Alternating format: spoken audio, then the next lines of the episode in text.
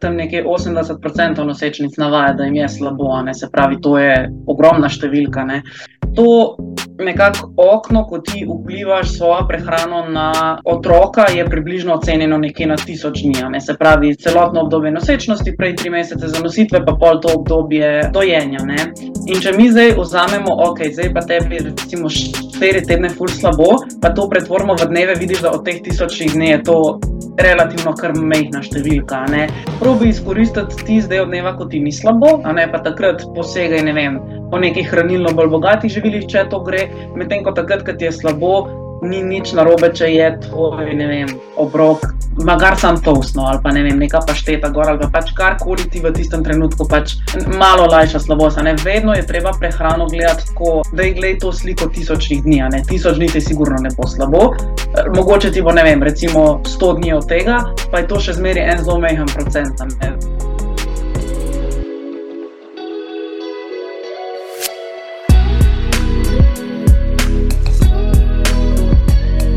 Hvala. Poslušaj odkrito podcast, s tabo pa sem gostiteljica Vesna Ambrož, magistrica psihologije, predavateljica in psihološka svetovalka. V današnji 49. epizodi odkrito podcasta je z nami prehranska svetovalka Ana Zrimšek. Verjetno jo poznaš kot ustvarjalko vsebin za imenom Prehrana za dva na Instagramu. In Ana se torej ukvarja z področjem ustrezne, uravnotežene prehrane, tako v obdobju zanositve, nosečnosti in dojenja, ukvarja pa se tudi z uvajanjem hrane pri dojenčkih in pa nasplošno z prehrano otročkov. Eh, tega najnega dialoga smo se mi dve lotili v bistvu kar sistematično in sicer smo spregovorili o prehranjevanju v vseh omenjenih obdobjih pri ženski. Se pravi, o tem, kako se lahko ženske smiselno pripravimo na zanositev z vidika podpore z hranili, kaj smemo, pa česa ne smemo jesti v času nosečnosti. Tukaj je bilo tisoč in eno vprašanje, in seveda smo se dotaknili nešteto mitov in pa resnic. Vse od tega, ali lahko ali ne morsko hrano, kako je z alkoholom, kako je z biftekom, kako je z sušijem, salamami, z kavo, z zališčnimi čaji in tako naprej. Ana pa pove tudi, seveda, na kaj je potrebno paziti v obdobju po porodu in za katerimi prehranskimi dodatki se je tudi dobro upremiti v vseh teh življenjskih obdobjih. Se pravi, če si ravno v obdobju načrtovanja za nositve ali pa si noseča, bo to le prava zakladnica znanja za te. Enako velja tudi, če si v obdobju po porodu ali pa če te to področje samo v splošnem zanima iz srca hvala Ani, da si je vzela čas in nas opremila z res bogatim znanjem na tem področju. Zdaj, preden te spustim v pogovor z Ano, bi te pa kot vedno povabila k naročanju na ta podcast na bilo kateri platformi, kjer ga trenutno poslušaš. Res v veliko pomoč so mi mnenja v epizodah, ocene podcasta, ker mi pomagajo potem ustvarjati vsebine še naprej in pa povabiti zelo zanimive goste na ta podcast. Iz srca ti bom hvaležna tudi, če se odločiš screenshotati in pa podeliti poslušanje kakšne od epizod na Instagramu. Pri tem pa prosim, ne pozabi označiti z AFNA odkrito podcast, da te lahko sploh najdem in pa potem podelim tudi na svojem profilu. Zdaj pa gremo k epizodi.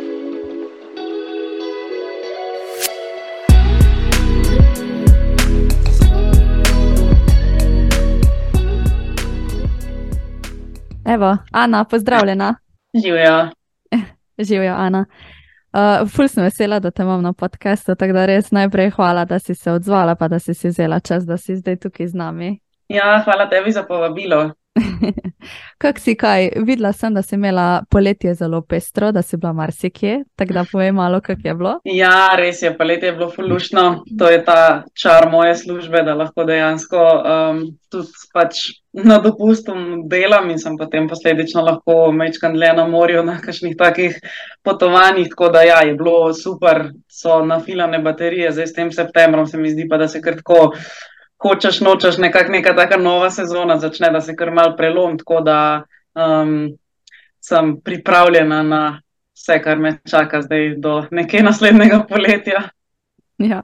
Ful dobro, točno to, tako si rekla, septembri so vedno en tak prelom, pa se mi zdi, da neko novo, novo obdobje, pa nov začetek, isto kot pa novo leto. Vse za ja, ja, je bilo tako. Res je. Ja, ej, ful dobro. Uh, te pa bi te mogoče jaz v uvodu kar povabila k temu, da se mogoče malo opišeš, da poveš, kdo je Ana, kaj rada počneš, pa predvsem pa kaj je tvoje področje dela. Ja. Um, tako bom v bistvu probala čim bolj skrajšati, uh, nekako se um, osredotočiti na to temo, zaradi katere danes v bistvu tudi snemava. Um, trenutno se pač ukvarjam z prehrano žensk v obdobjih uh, zanositve, nosečnosti in dojenja. Um, zelo me zadnje čase zanima tudi prehrana, um, predvsem dojenčkov, oziroma v tem obdobju od se pravi začetka uvajanja goste hrane do tam nekje prvega leta starosti se um, intenzivno tudi na tem področju izobražujem zadnje čase.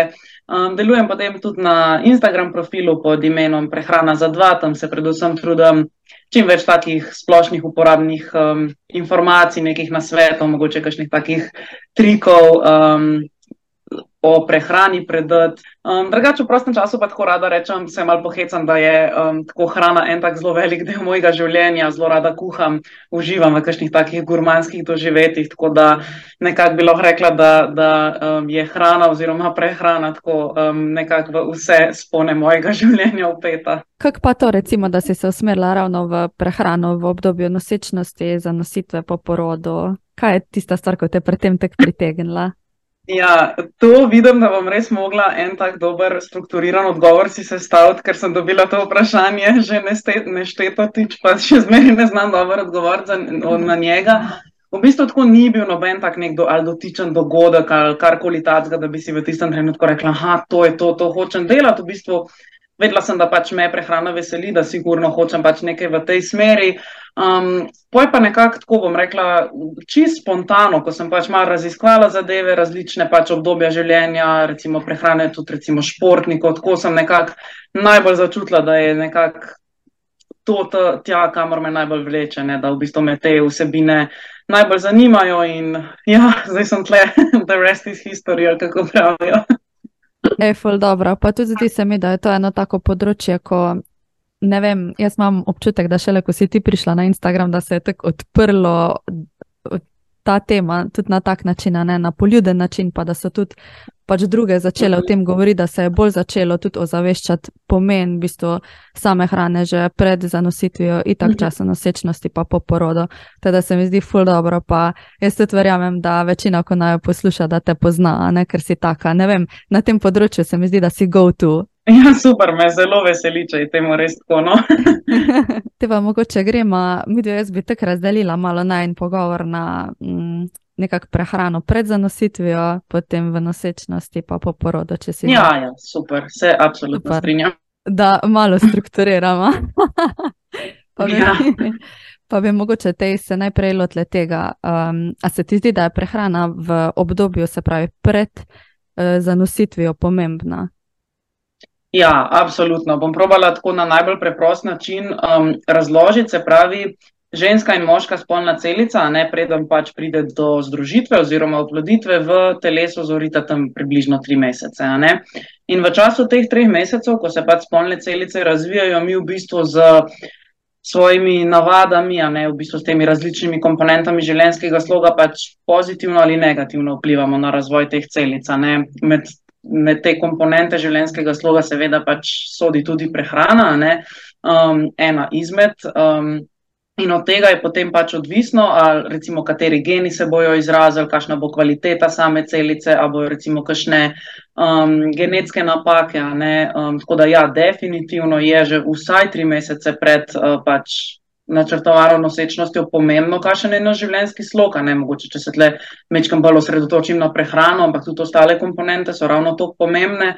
Um, Ker potem to pač vpliva v bistvu že um, dejansko na um, izražanje genov in pač posledično kasneje zdravje um, otroka. Ne. Tako recimo kot neka zanimivost um, so ugotovili, da recimo, če ima moški ob um, spočetju prekomerno telesno maso, je to pomeni povečano tveganje, da bo pač otrok enkrat kasneje v življenju recimo, um, razvil sladkorno bolezen tipa 2 ne, in da je bolj pač nagnjen k debelosti. Sicer vedno je več dejavnikov, ne, seveda, ampak um, recimo taka zelo zanimiva ugotovitev, ki se mi zdi, da kar dobro odgovori na to vprašanje. Pravi, v takšni kondiciji, kot smo v trenutku spočetja, v bistvu to tudi malo vpliva oziroma ima vsaj nek faktor tveganja za razvoj različnih, mogoče stan ali kakorkoli doprinašano tudi k Ja. otrokovemu razvoju.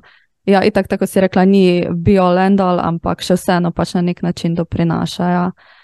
Um, Ja, ja, sigurno tako pomemben del sestavljanke, no, da jim tako rečem. Ja, ja. pa to mi je ful všeč, a ne ko si omenila. Itak ni samo prehrana, prehrana je ful velik del tega, ampak itak tudi gibanje, tudi to, da ne Absolutno. prekomerno, ne vem, zaužívamo alkohol, droge, take stvari, ne, da smo v bistvu fitno, pa v mogoče neki luči zdravega življenjskega sloga, da se gibljemo. Ja, tako je. Ja. Ful dobro. Ok, uh, kaj bi pa rekla, recimo, zdaj naj jo nekdo posluša, ne pa načrtuje, recimo ta ženska načrtuje, da bo ta z partnerjem v naslednjih nekih mesecih zanosila, če bo vse šlo po sreči. Mhm. Uh, zakaj, recimo, na kaj bi rekla, da bi uh, morala paziti, tako ona kot tudi on? Um, ja, predvsem primarno podpreti pač telo um, iz vidika zadostnega vnosa hranil, to je najlažje doseči, se pravi, čez neko izbiro hranilno bogatih živil, um, da se pač mogoče potem prehrana, um, mislim, ne rabi se prilagoditi, ne maram, ne maram te iz, besede prilagoditi, ker v resnici ne rabi biti tako zelo drugačna, kot je recimo, ne, so te neke splošne smernice, ne. Um, zdrave prehrane. Um, bi pa rekla sigurno to, da mogoče ja, um, se pač popazi na zadosten vnos hranil, če obstaja možnost, da so kakšna prehranska pomankanja, recimo um, ne vem, pri vegankah recimo železo, kakšne take zadeve, da se to pač preveri in se potem na podlagi tega ali prilagodi prehrana oziroma pač v nekaterih primerjih poseže po prehranskih dopolnilih. Ne. Ok, super, se pravi, ja, tako da zadostimo potem celemu um, temu profilu, no, da je vse štima na vseh uh, uh -huh. komponentah zdravja. Mogoče tako um, en tak mal bolj poenostavljen odgovor, če sem mogoče tega bolj zakomplicirala. Jaz doskrat rečem, um, lej, obnaši se tako, da si že noseča. A ne, to, mislim, sej to je tako zelo, zelo splošen, ampak tako, če res v enem stavku povzamem, to je tako, lej, sam pač ne delati stvari, ki jih ne bi delala, ko si noseča, se pravi prekomerno uživati alkohola, takih stvari, ne, um, pa že s tem veliko narediš, ne, mislim, seveda odvisno, kakšna je pač v sicer v splošnem tvoja prehrana, ampak to bi bil tak mogoče um, na svet v enem stavku, no, tako bom rekla. Večkrat sem slišala, da Mhm. recimo že tudi, um, ne vem, ene pravijo eno leto. Prej, da zanosiš, zanosiš, recimo, da se že kar priporoča jemanje folne kisline, oziroma tizga, včasih reče, ne, ker nov alak, ker nima samo folno, Ja, ja. ampak ima tudi druge, druge neke dobre stvari za telo. Ja, um, zdaj folna kislina, tako kot si omenila, se ponavadi jemlje kar znotraj prenatalnega kompleksa, oziroma to so pač ta prehranska dopolnila za nosečnice, ne primarno se to je zaradi folne kisline. Zdaj, tako v samem obdobju načrtovanja nosečnosti niso tako povišene potrebe, da bi nujno mogel posegati po prehranskem dopolnilu, če zdaj govoriva pač izključno o folni kislini.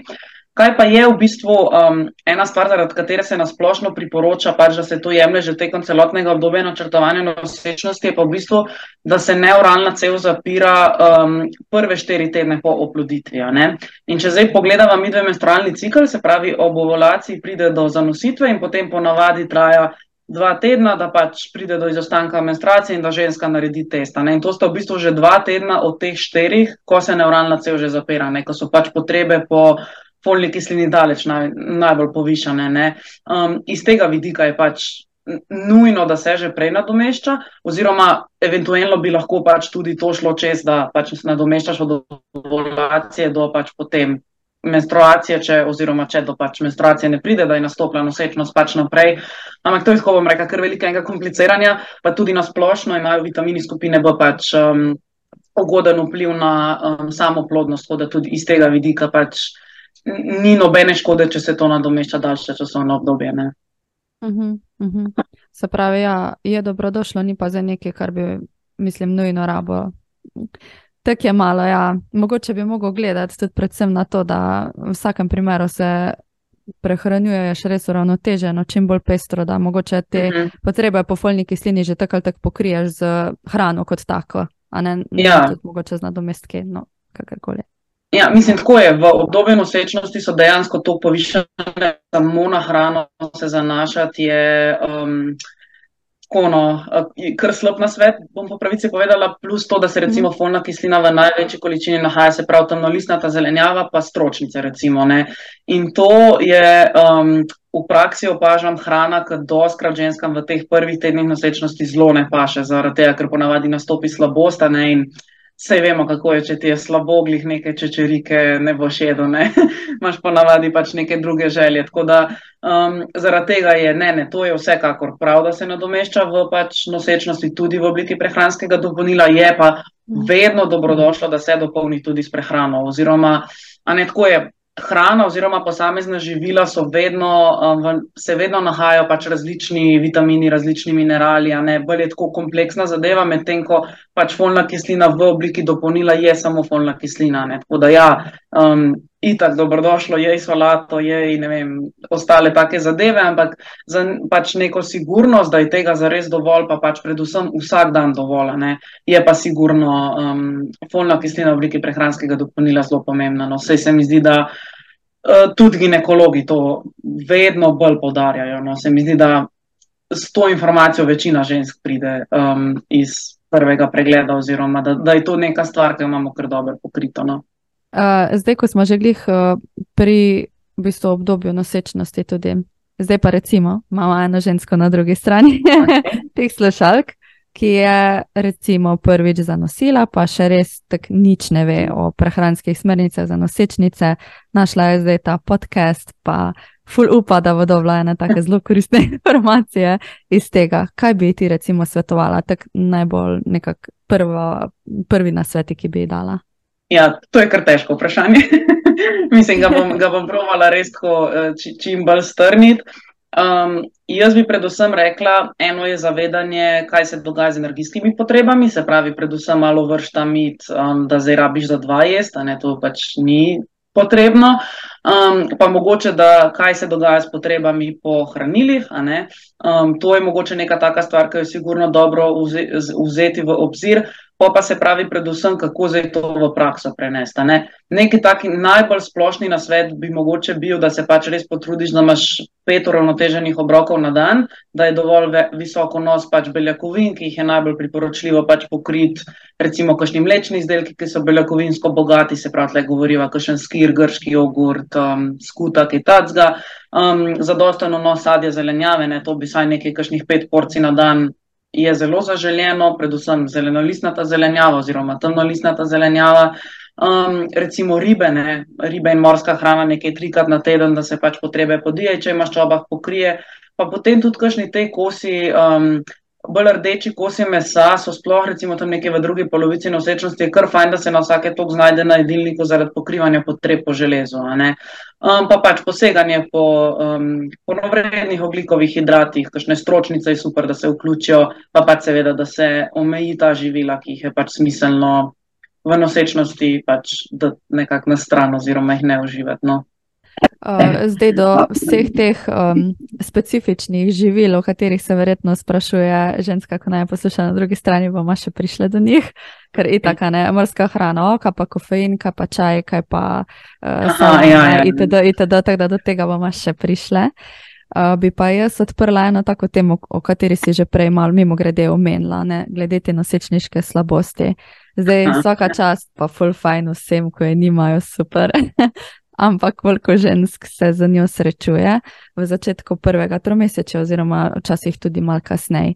Um, zdaj, jaz sem tudi veliko kolegic, ko se je s tem srečevalo, z hudo verzijo hrane, se pravi, res jim nič ni dišalo, tista hrana, ko so imele prej rade, jim je kar naenkrat odvratna. Tako si omenila, recimo. Joj, kakšne zelenjave, boh ne deja, ne kar niti na vodu, ja, ja. nič, ne da bi jo jedel. Um, Tako da, recimo, ena kolegica me je tudi vprašala, oziroma mi je izrazila eno tako skrb, da je v tistih začetnih tednih, ko so pač res, kao, mislim, so najpomembnejši nekako za vidika tudi prehrane, z vidika hranil. Ampak je svoje simptome lahko lajšala samo z nekimi krekerji, z želje bomboni, z ingverjami bomboni, in dejansko ni nekih takih hranil vnašala, ki bi si jih želela, oziroma ki bi bili res mhm. del uravnotežene prehrane. Teda je bila res ful zaskrbljena, pa se je pol tudi spraševala, če, to, če bo kakorkoli negativno vplivalo na na plot, ampak sočasno ne hotela sem preživeti res to obdobje, Ja. ko je bilo za njo ful težko. Recimo, kaj bi svetovala takrat, če se ženske eh, s tem soočajo? Ja, jaz bi se mogoče mečkam vrnila na uh, tisto prvo vprašanje, ne, zakaj je um, prehrana v obdobju načrtovanja nosečnosti tako pomembna, ne, tudi iz tega vidika, ker pač se pri veliko, veliko ženskah zgodi to, ne, če se ne motim, mislim, se te procente je zelo težko oceniti, ne, um, ker ne moreš slabosti ravno opredeliti, ampak tam nekje 80% nosečnic navaja, da jim je slabo, ne, se pravi, to je ogromna številka, ne. Mislim, je prej, prej izjema kot pravilo, da ti ne bo slabo, ampak ja, jaz vedno rečem v takem primeru, lej, to nekako okno, ko ti vplivaš svojo prehrano na um, otroka, je približno ocenjeno nekje na tisoč dni. Ne? Se pravi, celotno obdobje nosečnosti, prej tri mesece zanositve, pa pol to obdobje um, dojenja. Ne? In če mi zdaj vzamemo, ok, zdaj pa tebi recimo štiri tedne ful slabo, pa to pretvorimo v dneve, vidiš, da od teh tisočih dni je to relativno kar mehna številka. Ne? In jaz v tem primeru pravim, lej, dej najprej poskrbi zase, ker nič ni bolj vredno kot pač kako si ti mentalno, lahko pa slabost zelo, zelo, zelo vpliva tudi na mentalno um, pač počutje. Ne ravno iz tega, kar si pač omenila, v smislu, da bolj pride do velikega. Um, Da se ženske sekirajo, so obremenjene s tem, zdaj s tem ful škodim. Lej, v tistem trenutku ne moreš nič boljšega narediti, kot da pač narediš tako, da bo vsaj tebi malo lažje. ne. Pol, ko slabost mine, ali pa recimo slabost vezana na kakšne um, ure v dnevu, ne recimo enim se zjutraj zbudijo, pa jim je zelo slabo, pa pol kaj pojejo, pa jim je lažje, pa enih pač se zvečer pojavi, a ne jaz vedno rečem. Probi izkoristiti ti zdaj od dneva, ko ti ni slabo, a ne pa takrat posegaj, ne vem, po nekih hranilno bolj bogatih živilih, če to gre, medtem ko takrat, ko ti je slabo, ni nič narobe, če je tvoj, ne vem, obrok, toast pa, ne vem, magar sam toast, no, ali pa ne vem, neka pašteta gor, ali pa pač karkoli ti v tistem trenutku pač um, malo lajša slabost. Vedno je treba prehrano gledati tako um, širšo sliko, ne samo en obrok ali pa en dan nič ne povesta. Ne? In recimo jaz vedno v tem primeru rečem, lej, da je gled to sliko tisočnih dni, ne tisoč dni ti sigurno ne bo slabo. Mogoče ti bo, ne vem, recimo 100 dni od tega, pa je to še zmeri en zelo mehen procent. Tako da um, to bi bil moj nasvet. V unem trenutku, ko nimaš možnosti, da to rešuješ, ne takrat tega rešiti, da je nared takrat nekaj, ko lahko ne.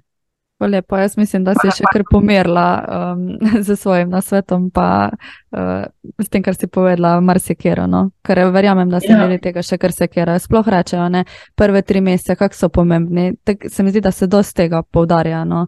ker se otrok še pač Ja. res v celoti razvija. Um, Mi- Mislim, um, me- meni gre iskreno, se mi zdi malo zmotno to, da se podarja samo neke tri mesece. Mislim, vse je enako pomembno, vse otrok se skozi razvija. Ne? Mislim, to, vse to je tudi, recimo, um, če se malo vrnemo na to folno kislino, ne, je zelo zgrešen na svet, da se pač priporoča jemanje folne kisline samo prve tri mesece. Mislim, zakaj? Če um, pač potrebe ostajajo povišene celotno nosečnost. Ne? In tle je isto s to zadevo. Vse otrok se razvija vseh devet mesecev, ne samo prve tri mesece. Ne? Tako da um, je pa mogoče zanimivo, da prve recimo dva tedna je otrok zelo nedovzeten za um, okoljske dejavnike, ne? šele potem zače, začenja biti pač, se pravi, to je pa predvsem iz tega vidika, ker se doska ženske tudi blazno sekira, recimo, ko še niso vedele, da so noseče, pa so ne vem, spile kakšen kozar dva vina, ne? pa je potem spet ta skrb, ojo, jaz sem zdaj ful škode naredila, ne sej. Um, Ne, ne da spodbujam zdaj tle piti alkohola med nosečnostjo, da slučajno ne bodo narobe razumeli, ampak tako to je še ena taka skrb, zelo podobna ta slabostjo, ne pa tudi mogoče, da se, da se mal um, pomiri. Ne. ja, ja, točno. Ja, ali pa recimo, da so v tem začetnem obdobju še kar veliko kave spile, pol se pa nekako trudijo vnos kave tudi Recimo, ja, zmanjšati. Ja. Kaj pa za vidika recimo prehrane pa pitja tekočine svetuješ, če se ženska sooča res z pogostim bruhanjem med nosečnostjo? Ja, pri pogostem bruhanju največkrat pride se pravi do pojava dehidracije in pač istočasno tudi do porušenega elektrolitskega ravnovesja. Ne. Tako da predvsem primarno je potrebno, da se nadomesti pač izgubljeno tekočino, ne potrebe po tekočini. Je pa bolj priporočljivo, da se ne naredi tega samo z vodo, ampak mogoče s kakšnim tem izotoničnim napitkom, tudi recimo, če nima doma nekega izotonika prav, recimo, če sam mal soli daš v vodo noter, ne, tako da se pač v bistvu um, nazaj izpostavi tudi elektrolitsko ravnovesje, ne, ker se pač poleg tekočine ruši pač tudi, um, se pravi, to ne. Uh -huh. Tukaj je primeren tudi magnezij. Mislim, magnezij, ja. um, predvsem veliko krat, uh, tako, to je čisto taka izkušnja iz prakse, um, ki sicer mhm. nima neke znanstvene podlage, ampak včasih se mi zdi, da so tudi pač izkušnje iz prakse zelo koristne. Doskrat pravijo, da jim mal blaži slabost, recimo magnezij, da je tako iz tega vidika. Um, da, da pač jim pomaga. Ne. Je pa ta zadeva, mislim, blaženje slabosti, to je tako individualno pogojeno, da mogoče za pač nekoga sploh ne deluje, za nekoga je zelo koristno, ampak to je recimo nek feedback, ki sem ga res, res že veliko krat dobila. No, tako da um, iz tega mhm. vidika bi lahko bilo to koristno tudi. Mm -hmm. Se pravi, zato pa tudi vem, da um, navadno proti koncu nosečnosti, pa če imajo že prej s tem ženske težave, včasih uporabljajo magnezij ravno za to, da se jim tudi blato malo zmehča, da lahko grejo lažje na stranišče. Je ja. velikrat tudi pri tem težava, pa si potem časih tudi z magnezijem pomaga. Ja, tudi koristno. Ja, ja. ok, kul. Cool. Uh, jaz bi zdaj mogoče malo šla na mite ali pa resnice v času obdobja mhm. nosečnosti. Jaz, to je itak meni nekaj najljubšega delati, je pa res, da jaz sem se mogoče sam tek treh spomnila, tako da ti boš jih imela mogoče z izkušnjami okay. z svetovankami, veliko več, boš mogoče še kako dodala. Zdaj to si že prej povedala, oziroma na začetku, ko smo začeli snemati, ne jesti moramo za dva. To smo tukaj slišali, tudi recimo od kakih babic, kaj takega, ozemrš pa je za dva. Tako da mit ali resnica? ja, sej mislim, da že iz tvojega vprašanja je bilo možno razbrati, da je to mit. Se sicer energijske potrebe povišajo, v prvem tri meseču so sicer kar nekako tako. Ostajajo enake, kot so pač sicer, oziroma kakršne je ženska imela pred zanositvijo, potem v drugem, pa tretjem trimesečju pa zrastejo. Ne? V drugem tam nekje 200-300 kalorij, v tretjem trimesečju tam nekje 400-500, ne, to v praksi pomeni 200-300 kalorij, nekaj pač malca, recimo nek jogurt, pa kos sadja, recimo neko jabolko. Ne. Uh, Medtem, ko tam 400-500 je pač neko tako kosilo, um, tako da narastejo, ampak sigurno pa ne krat dva. Ok, kul. Cool. Uh, potem mogoče drugo tako prepričanje um, da se kofein odsvetuje, se pravi, da pitje kave moramo v času nosečnosti dati absolutno na stran. Mm, absolutno na stran ne, je pa omejeno nekje na 200 mg na dan. To recimo v praksi pomeni. Tako dve te kavice, ki jih recimo v kavarni spijaš. Se pravi, če je to ta turška kava, ki si jo doma kuhaš sam, je to že kar veliko kofeina, se lahko to tudi že z eno pokrije, sploh če kašne te mečkam balorang doze, ne, ki jih babice ponavad kuhajo. Um, tako da ja, je treba omejiti, ni pa treba pač v celoti prenehati. Pa vedno je tudi dobra alternativa, um, sploh pri teh ženskah, ki jim je pitje kave tako rituala, ne, bolj, tako, bolj kot iz vidika potreba kofeinu, ne, se vedno pač brez kofeinsko da naročiti. Tako da um, pač recimo to je tudi ena pol alternativa. Ne. Ja, to je tudi res. Uh, sem pa tudi recimo slišala, da ja, moraš biti pa še pazljiv na to, ker ima tudi recimo Coca-Cola kofein, pa ker ima mhm. čokolada kofein, tako da moraš še nekako to upoštevati, uh, to drži. Uh, mislim, ja, drži, da imajo tudi omenjena živila oziroma pijače, pač kofein, pa recimo te ta pravi čaj, zeleni, črni, ne, ampak um, je relativno malo tega kofeina noter. Ne, tako da, um, kaj prav blazno velik skupnemu vnosu pač ne prispeva zdaj ena vrstica čokolade, ne, ampak ja, je, je pa pač na, na koncu smiselno tudi to upoštevati. Uh -huh. To si pa že mogoče prej omenila, oziroma v začetku, ko smo se pogovarjali, morska hrana, ne si rekla, v bistvu trikrat uh. na teden, da bi bilo fajn, da jo jemo. Tako da ta uh, zadeva že takoj pada, ne izogibati se morske hrane. Um, ja, to je po mojem od vseh naštetih mitov celo najbolj škodljiv, zaradi tega, ker dejansko je morska hrana um, zelo dober vir pomembnih hranil, predvsem recimo omega-3 oziroma pač te podkategorije DHA in pa um, APA. Maščobnih kislin, ki pač sodelujo pri razvoju vida, razvoju možganov. Um, tako da, sigurno je morska hrana pač v prehrani nosečnosti več kot dobrodošla, sta pa pač dva pogoja varnega uživanja da je ustrezno termično obdelana, ne, da s tem pač znižamo tveganje za kakšne um, okužbe, pa da se pač izogne nosečnica um, tem večjim ribam, plenilkam na koncu prehranske verige zaradi vsebnosti živega srebra. Ne. To so pa recimo mečarica, skuša, tuna, kakšen morski pes. Ampak jaz tudi tako vedno rečem, kokrat pa to zares uživaš, ne, sploh v prehrani slovencev, recimo, so te ribe zelo slabo zastopane. Ne? Mogoče kakšen tu na stek, da sem pa kaj pojemal, vse ostalo, kar sem naštela. Um, ni glih nekaj, kar bi mi na dnevni bazi uživali. Ne? Tako da ta strah pred uživanjem morske hrane je popolnoma nepotreben. Mm -hmm, definitivno. Kaj pa so recimo potem tiste uh, ribe, ki jih je pa uh, smiselno uživati, ali pa druga morska hrana? Ja, predvsem um, te masne morske ribe, se pravi, kakšne, um, kakšen losos, potem kakšno mogoče srdele, skuše v konzervi, oziroma ni, ni treba, da jo konzervi, lahko je tudi pač file, samo konzerve so veliko bolj praktične iz tega vidika. Um, tako da to je neka taka, naj, bom rekel, najboljša izbira, ne? predvsem iz vidika potreb po diječe maščobnih kislinah. Ne? Pa recimo, veliko krat se uh, tudi tu, na, um, da je tu na bistvu ena taka stvar, ko imajo ženske florade, recimo ta v konzervi, pa si jo potem zmešajo v solato. To pa mislim, da sem na njej tvoje objave videla, da moraš na neki pogled. Sam zdaj se fulne spomnim izraza, kaj piše, gar, da moraš gledati. Ja, ja, super, da si, da si načela to temo. To je tudi eden, mogoče tak mit, ki ga je zelo dobro nasloviti. Pri tuni je v bistvu tako, da se v teh konzerviranih tunah nahaja ena manjša vrsta tune, ne, ki se pač posledično nahaja, se pravi, um, bolj na začetku prehranske verige in ima zato tudi manj živega srebra. Ne. Zato se te konzervirane tune do 100 gramov, se pravi, to je ena konzerva na teden, lahko normalno uživa. Ne. Tudi pač zelo praktično, dober vir beljakovin, pa tudi velika večina ima najraje pač tuno v konzervi. Sploh če pač primerjamo, recimo, skuša v konzervi, sardele v konzervi, to je že bolj tako, zdi pa, da res vsi jajo. Tako da, um, ja, tuna se pravi tam enkrat na teden. Um, Je pač popolnoma ok, ko govorimo pa o teh profilejih, oziroma pač tu na stejkih, um, je pa dobro, da se pač v celoti um, um, omeji. Uh -huh, uh -huh. Tako pa v bistvu surove ribe, pa to odpade, oziroma nasplošno surovo meso. Ja, to pa iz vidika tveganja za okužbene odpade. Tako da, v bistvu, to je že tudi uh, to naslednja stara, neko recimo uživanje salam, uživanje šunk, nekih takih klobas, slanin pa to. Kako je s tem v nosečnosti? Zdaj, v nosečnosti je pač večje tveganje za te okužbe, oziroma um, ne da je tveganje samo po sebi večje, ampak pač um, posledice so hujše. Zato se odsvetuje, se pravi, tako v splošnem termično neobdelana hrana, ne se pravi pač neobdelano meso, morska hrana, kakšna um, jajca, termično neobdelano mleko oziroma mlečni izdelki.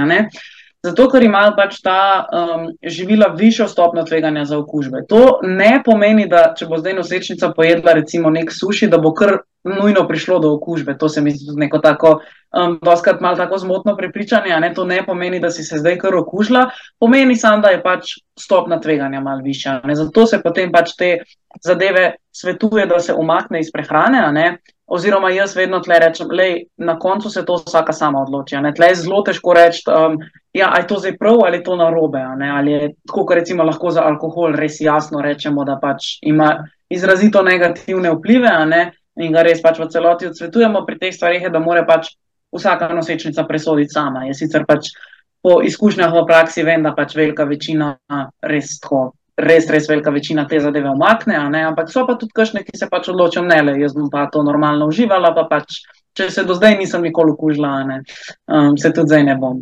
Da, um, na koncu je to pač odločitev posameznice. Ne.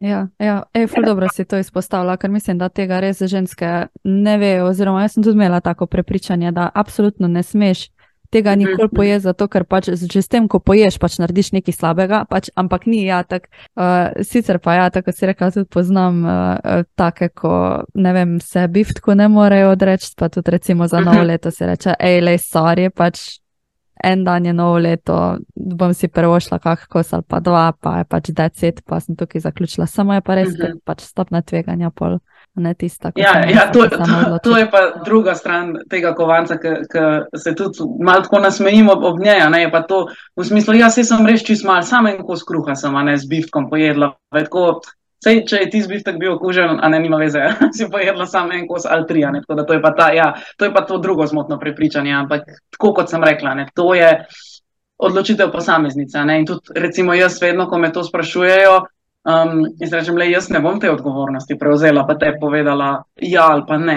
ne? Ker je, je pa tako, sej, mislim, to mogoče ni tak najbolj spodbuden podatek, pa sem vedno malo dilemi, a ne ga delim ali ne, ampak ničelno stopno tveganja nima nobeno živilo. Pač z vsem se lahko okužiš. Vse, kar pač direktno ne obdelaš termično, preden pač poješ, je možno, da se okužiš. Sej tudi, recimo, um, ki so pogosti te odpoklici živila ne, iz trgovine, ne, so zato, ker so pač je prišlo do neke kontaminacije. Ne, sicer ni zdaj ta podatek mišljen, pač tako, nočem nobene prestrašiti, ampak tako iz tega vidika, ne, da, da se razume, kaj pomeni stopna tveganja. Ne. Ja, ja. Pa tudi uh, za toksoplazmozo, mogoče ne, nekako potem začne ginekolog, ker ne zdaj pa vredno, perite sadje, perite zelenjavo, vredno, da, ne bo, da ne boste slučajno v stiku z kakšnimi mačkami oziroma strepki mačke in tako mhm. naprej. Uh, tako da je v bistvu tudi tukaj, a ne na vse nekako moraš paziti in da je termično obdelano in da fluorido spereš, yeah. Ja. nekako sadje, zelenjavo. Tako da če je kera res tak, ne vem, uh, že po naravi fej zaskrbljena, je mogoče lahko celo malo zniža kvaliteto življenja, glede na to, da bo recimo ja. aplicirala ja. pol, ja, da bo prišla k mami na kosilo, pa recimo si ne bo upala solate, jaz ker nisem zihar, da je mama tu vredo sprala, mm. da bi sprala jaz, ne. Ja, ja to, to, si, to si super izpostavljam. Tako mogoče, kar se tiče, da, da malo upravičim svojo izjavo odprej, se mi zdi, da sem dolžna še malo tak en disclaimer dati. Um, Načeloma, kar se tiče pač izbire izdelkov v trgovinah, imamo v Sloveniji oziroma na splošno v Evropski uniji tako uh, stroge zakone in tako visoke higijenske standarde, da je to res, res, res redko. Ne? Jaz ne bi za gliheni nosečnici priporočila, da gre na neko kitajsko tržnico, pa tam pač probava neke različne stvari. Ne? To mogoče res ne bi bilo najbolj pametno početi, ampak če ti v trgovini en izdelek, zamaš res ni. ni um, pač potrebno neke dodatne skrbi okrog tega si delati. Mm.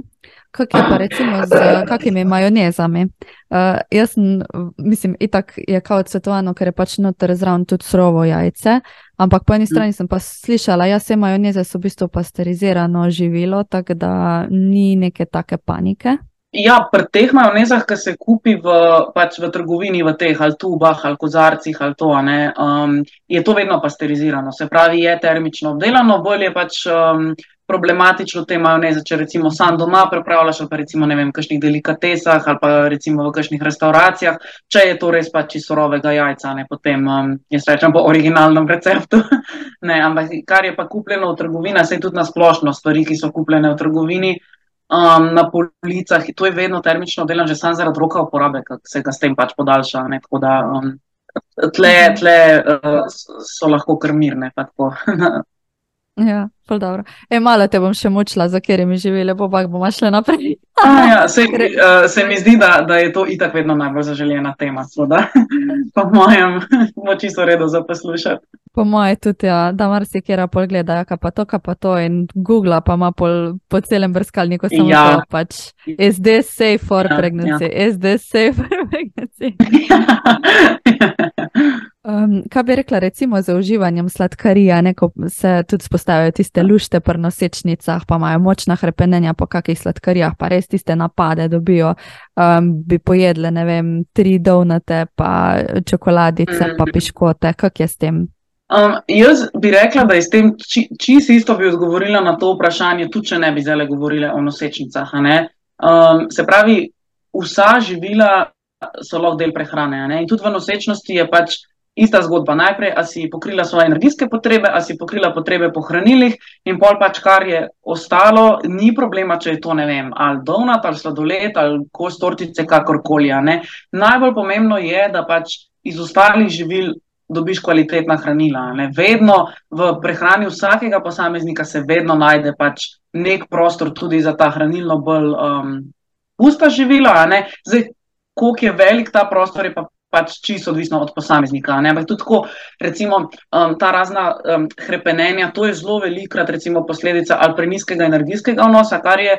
Ne boš verjela, med nosečnostjo zelo, zelo pogosto, ker so ful povišane potrebe in doska ženske ne, pač ne pokrijejo teh potreb, ali pa recimo zelo um, nizak vnos beljakovina ne, tekom dneva, oziroma da obroki niso uravnoteženi in pol doska prije po, tega, po tem um, hrepenenju ne, po, po takih živilih. Um, kak je pa kaj za potrebo po tekočini na splošno med nosečnostjo, se kaj spremeni? Ja, povišajo se, tako kot vse ostalo potrebe, pa vsem ostalim, predvsem na račun tega, ker se, se pravi, poveča volumen krvi, uh, pač plodovnica je tudi kar en velik del tekočine, oziroma pač praktično sama tekočina, um, pa pač potrebe ploda tudi, ne, sicer so krmejne, ne zato, ker je tudi pač plod krmejčka, ampak um, tudi narastejo, ne, tako da tam nekje dva pa pol do tri litre na dan je kar fino, da se spije. V primeru recimo um, zelo vlažnega okolja, zelo vročega okolja, ne recimo zdaj te poletne meseci, da se pač ženska izrazito poti ali pa če je pač um, telesno aktivna, pa se pač tekom aktivnosti uh, spotije, pa potem pač še dodatno potrebno pokriti te potrebe, ne so še mečkam više kot sicer. Mm. Smo pa lahko recimo pozorne, da dobimo dovolj tekočine na tak način, če gremo na stranišče, recimo pa tudi vidimo, kak je urina, neverjetno lahko na tak ja. način preverimo. Ja, barva urina je najbolj tak preprost pokazatelj, ne barva pa von, se pravi pač izrazit von, pa zelo pač temno rumene barve urin načeloma nakazuje na to, da je bil pač vnos tekočine um, prenizati in obratno. Ne. A lahko to tekočino, recimo tudi z raznimi zeliščnimi čaji, pokrivamo? Ja, z zeliščnimi čaji je v bistvu tako, da eh, glede kakšnih živil je v nosečnosti zelo težko določiti varnost, zato ker se pač zadeva ne testira, ne čisto iz etičnih razlogov, ne nobena nosečnica ne bo privolila, da je del neke raziskave, kjer se pač testira, ali so, so neki čaji varni ali ne. Tako da na splošno, neko tako splošno priporočilo je, da do dve skodelici na dan, ne teh zeliščnih čajev, za pač tista zelišča, ki niso bila na nosečnicah testirana, oziroma ne moramo za 100% potrditi neke varnosti. Ne. A to recimo velja za, vem, čaj iz čajnic ali velja tudi za, vem, tisoč in en cvet, ko imamo kamilice, ko so bolj mogoče. E, načeloma te arome. Ja, kar so te sadni čaji, ne vem, recimo jagoda, borovnica, na, na tak pač način niso problematični, se lahko pač tudi v večjih količinah, bolj so te recimo razna um, zališča, pa kakšne rastline, za katere pač, ki se načeloma lahko uporablja tudi v terapevtske namene, ne, in se pol pač ne vedo, do kere mere je to v bistvu varno. Ne. Okay. Ampak to je tudi tako, to ni dokazano, da je nevarno. Ne? Če mogoče zdaj, kjer posluša to, pa je danes pije že ne vem, četrto skodelico ingverjevega čaja, to ne pomeni, da je zdaj spet, da bo nekaj nujno narobe, samo da pač ni varnost 100% potrjena ne? in se potem zaradi tega s tako zelo veliko previdnostjo pač okrog teh uh, priporočil govori. Okay, zdaj pa vzamemo v, pa vzamemo v obzir tudi to, da jemo folno kislino oziroma pač tiste. Um, Kako si se že prej lepo izrazila, pa sem zdaj pozabila izraz. Aha, prenatalna dopolnila. Prenatalna dopolnila, seveda. um, zdaj pa, a recimo, bi še ti dodala kakšna druga prehranska dopolnila, če bi bila koristna za nosečnice? Ja, jaz bi v zimskih mesecih D vitamin dodala, to je tudi fino, da se vrednosti testirajo že v samem obdobju načrtovanja nosečnosti.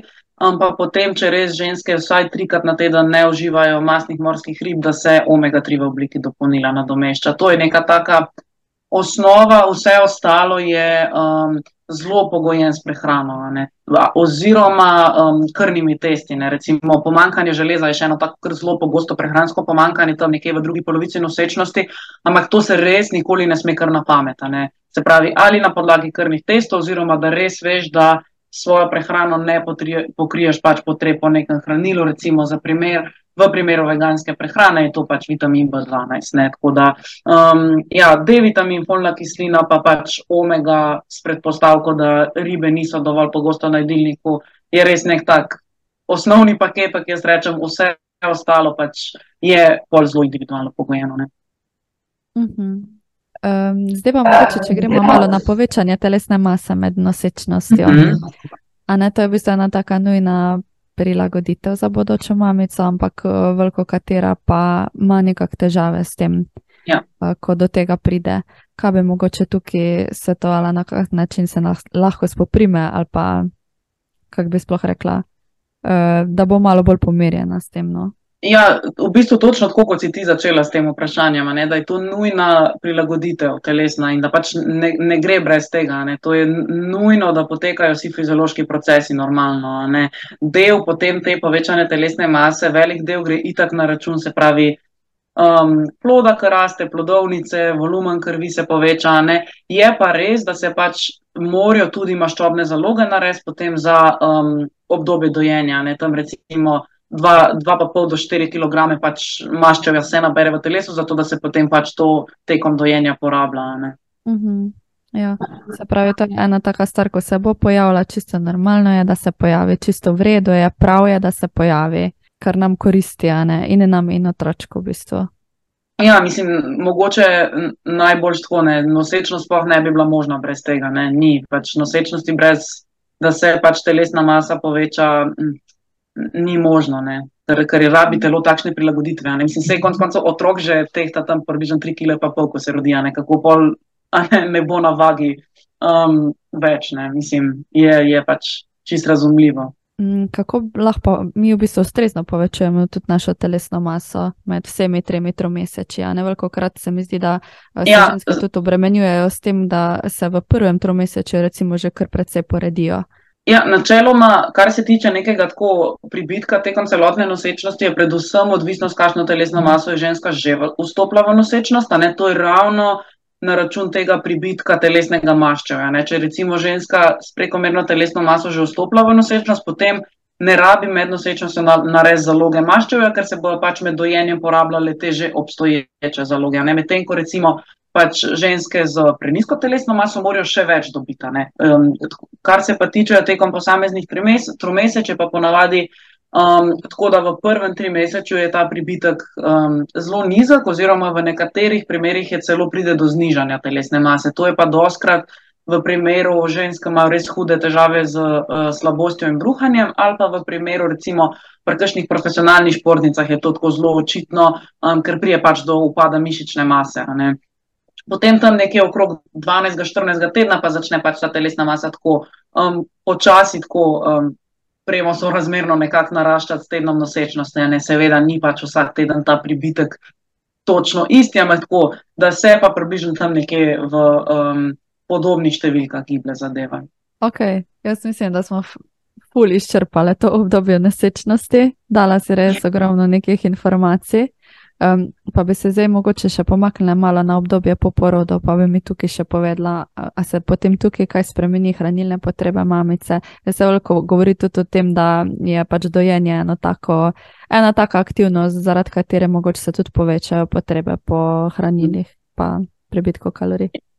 Jaz te bom sam mečkam prekinila, pa bi rada tam povedala pri tistih hranilih, ki so se pogovarjali, um, še eno prehransko dopolnilo je hulin, ker je res taka osnova to mi je šlo iz glave, pa res nočem, da, da ostanejo brez te informacije. Holin je podobno z prehrano, ni možno.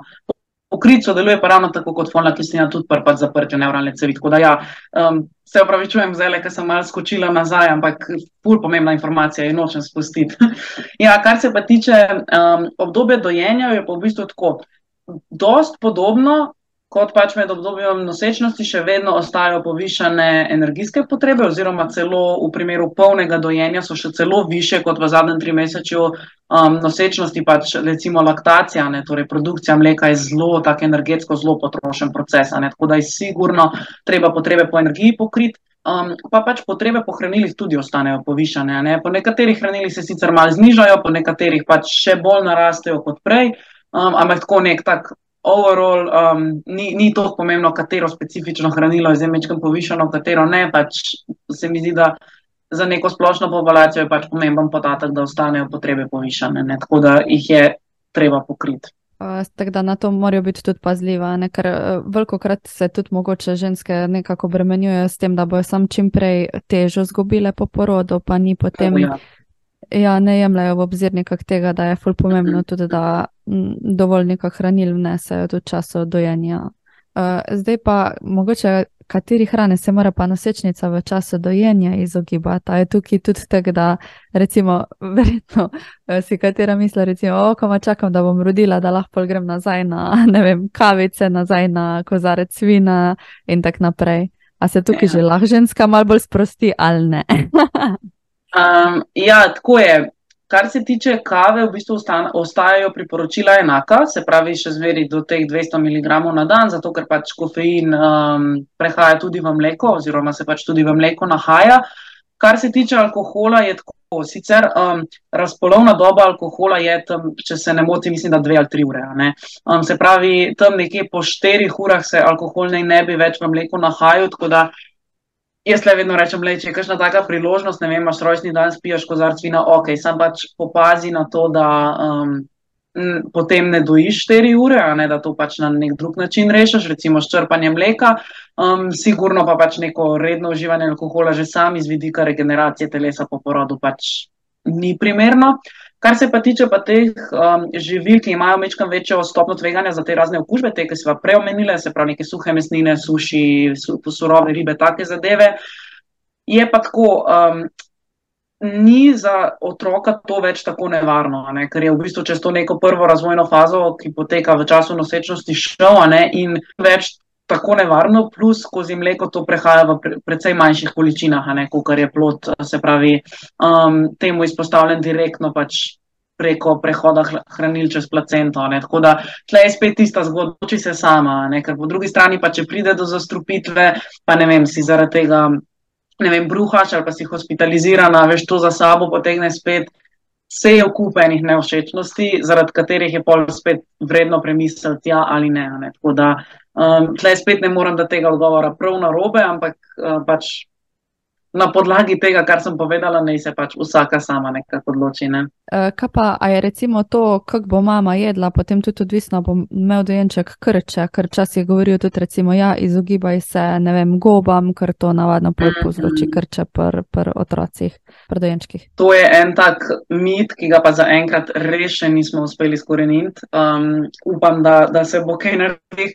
V zvezi s tem se pravi, um, krčki so pač posledica razvoja prebavnega sistema. Jaz vedno to rečem, da je čisto sam logično pogled. Otrok je prej devet mesecev hrano dobival, se pravi, preko popkovine in zdaj je njegov prebavni sistem prvič v življenju obremenjen. Ja. A ne, to je ista zgodba, kot jaz vedno tako zelo banalen primer dam, ampak se mi zdi, da dosti dobro pojasne, kar hočem povedati. Če ti celo življenje noč ne delaš, pogreš pa narediš trening z otežmi. Ja, itak, da boš imel muskel fibra. Mislim, podobna zgodba, ne, da žal tle s prehrano kaj veliko ne moramo narediti, razen v nekaterih redkih primerih, ko res pride do ali se pravi kakšnih alergij ali pa predvsem kakšnih intoleranca ne, na um, pač. Recimo, ne vem, laktozna intoleranca ne, ali pa recimo kakšna alergija na mleko, na pač mlečne izdelke. V tem primeru potem je seveda smiselno, da se to umakne, ampak tako nasplošno nek tak kilometr dolg seznam um, vseh živil, ki zdaj ženska ne sme um, uživati je pa tako veliko škode naredi, ravno zaradi tega, kar ste se prej pogovarjali, ne potrebe pohranili so ful povečane ti kar naenkrat zdaj ne smeš 50 stvari jesti. Tako da um, ne, mleko se pač tvori iz krvi, ne direktno iz naše, naših prebavil in iz hrane, ki smo mi zaužili. Tako da um, tle bi jaz mogoče tak nek splošen nasvet dal, da začneš normalno jesti vse in potem spremljaš stanje. Dobro, ker to je pa tudi uh, ena taka stvar, ko jaz iskreno nisem vedela. Dokler nisi zdaj povedala, ker to ja. so pa tako mm. prepričani ljudje, kot ti to govorijo, da sploh te gobe, ne vem, zakaj imam to v glavi, ne, ker kot neko tako težko živilo je opredeljeno in to zihar ne smeš. Ja, ja, ja. ja ampak to, to je ta del, ker ti poješ gobe, ne dobi tvoj otrok v obliki mleka, neko mleko, pač, kjer so gobe notrane. Mislim, to se bolj smešno sliši, ampak ne vem, kako ne to boš razložil. Ti v bistvu poješ gobe, se iz tvojih prebavil, se iz tvojih prebavil pač. Um, Absorbirajo hranila, grejo ta hranila v kri in potem iz te krvi nastaja mleko. Ni, mislim, otrok ne dobiva mleka direktno tega, kar si ti jedel. Tudi zaradi tega, plus to, recimo, Um, zakaj to ne drži? Zakaj imajo potem pač otroci, ki niso dojeni, a ne na adaptiranem mleku, ravno tako krče v isti količini, a ne kot pač nek otrok, ki je dojen? Čistko v razmislek. Ok, jaz mislim, da smo nekako prišli do konca. A imaš še mogoče kak tak splošen končni nasvet, ko bi ga dala ženskam? Um, ja, mogoče to, da tako neka. Um, v narekovajih zdrava prehrana oziroma ta primerna prehrana. Um, Enako, kar mogoče zveni to na prvo žogo, ne? da ne, ne, ne rabite biti pet ur na dan v kuhinji, ne rabijo biti to neki trihodni meni, neka bio-eko živila, ne da se zelo preprostimi živili z, v zelo kratkem času pač čist ustrezno pokriti pač potrebe po hranilih in sestavljati kvalitetne obroke. Evo, uh, prišli smo do konca. Ljudje te lahko najdejo torej na Instagramu Prehrana za dva, pa potem tudi na spletni strani. Kako je pa to spletna stran? Prehrana za dva, pika si. Čist, čist simpel. čist simpel, tako da te tam tudi najdejo. Če bi želeli sodelovati s tabo, ti lahko tam pišejo. Res je. Ja. Ok, super. Um, v redu, Ana, potem pa še enkrat, ne najlepša hvala.